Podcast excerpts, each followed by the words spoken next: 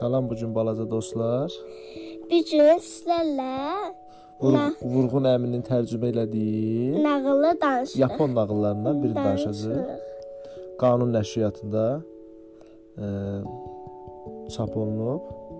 Yapon nağıllarıdır. Gözəl nağıldır. Bu gün birini tapmışam. Vaxtım olmayıb gedib hamısını alım. 28 may metrosu tərəfdə almışam. Gözəl Yapon nağıllarıdır qızımla. Bu gün qızıma danışacağam. Bu gün həmişəkindən fərqli olaraq mən danışacağam. Qızımın sualları olacaq və ya olmayacaq. Həmişə o danışırdı. İndi cırt-cırt yanan dağın nağılını danışacağıq sizə.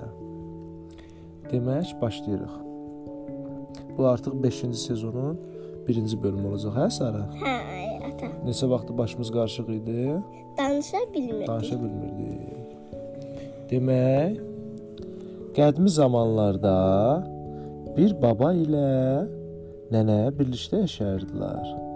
Günlərin bir günü baba tarlaya gedərkən yaramaz bir yenotun tarladakı kartofları deşib yediyini gördü. Bir dənə yenot kişinin bütün kartoflarını Yaşa. yeyirmiş, həmişə deşirmiş həm də.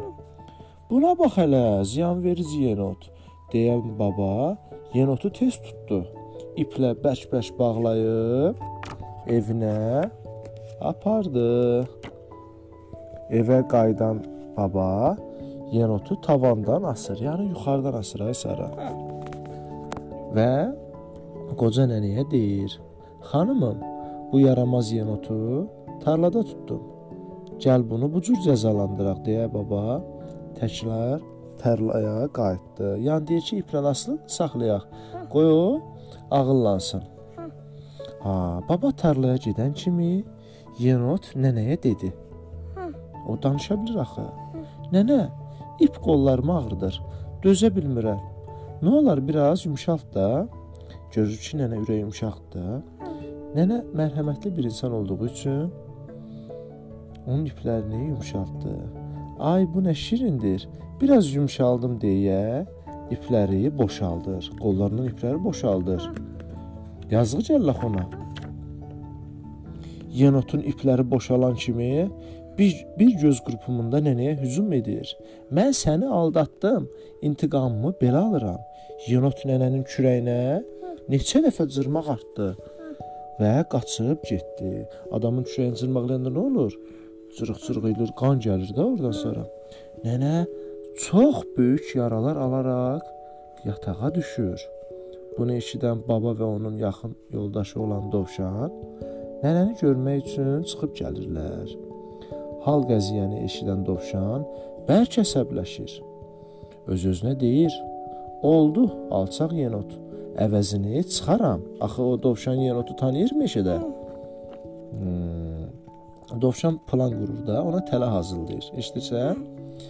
Dovşan yenotun evinə gedib deyir: Axı ona deyə bilməz ki, sən nənənin kürəyini cırmaqlamısan, onda yenot ona yaxın gəlməz. Gedir dovşan onun, bax, başını aldadır. Yenot qardaş, yenot qardaş, dağda çoxlu ləzzətli göbələklər çıxıb. Birlikdə gedib toplayıb yeyəkmi? Aha, bu əla fikirdir. Birlikdə gedək. Dovşan deyir: "Elə isə mən tava götürmüşəm. Sənin belinə odun şələsi yükləyək. Orda göbələk yığaq. Odunları yandıraq, göbələk yeyək." Yenot razılaşır. Yenot odunları aparacaq. Dovşan da tavan aparacaq. Çata. Aha, o deyə o çaxmaq daşıdı. İndi o deyəcəm nədir? Axı dovşan ondan intiqam almaq istəyir.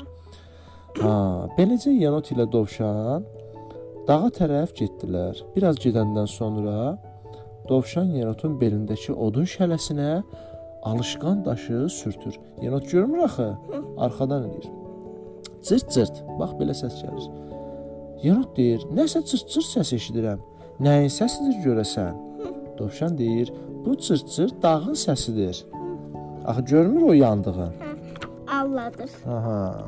Biraz keçdikdən sonra odun alovlanır, part-part səslər çıxaraq yaymağa başlayır. Nəsə part-part səs eşidirəm. Nəyin səsidir görəsən? Yenot yenə soruşur.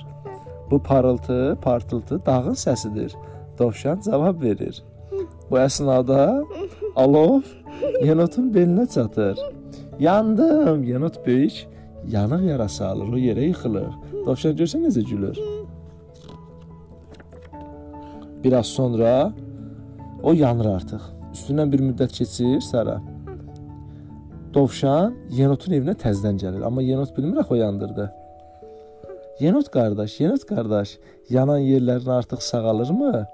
O deyir, hə, ağrıyır, amma çoxsu sağalıb. Dovşan deyir, elə isə dənizə balıq tutmağa gedəkmi? Çox dadlı balıqlar var. Yenot deyir, aha maraqlı təklifə oxşayır. Onda gedək. Bu səfər düz deyir. Bu səfər də ona tələ hazırlayıb. Yenə yenot bilmir. Elə orada yenot ilə dovşan qayıq düzəldirlər. Yenot qardaş, mən taxtadan qayıq düzəltdim. Dovşan ona deyir. Görsən taxtadan düzəldib. Amma çətin olduğu üçün sən palçıqdan düzəldə bilərsən.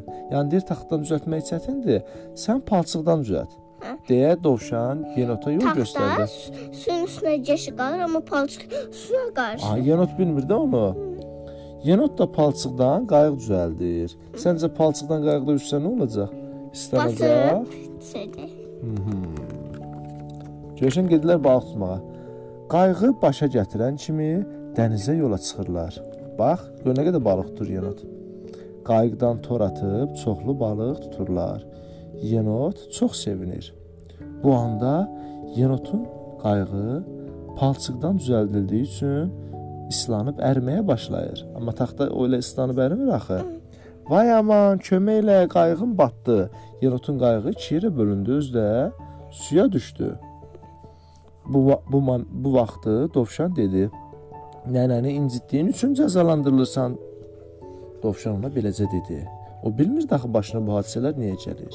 Yenot artıq öz səhvlərini başa düşdü və Dovşanla bir yerdə nənə ilə babanın yanına getdi.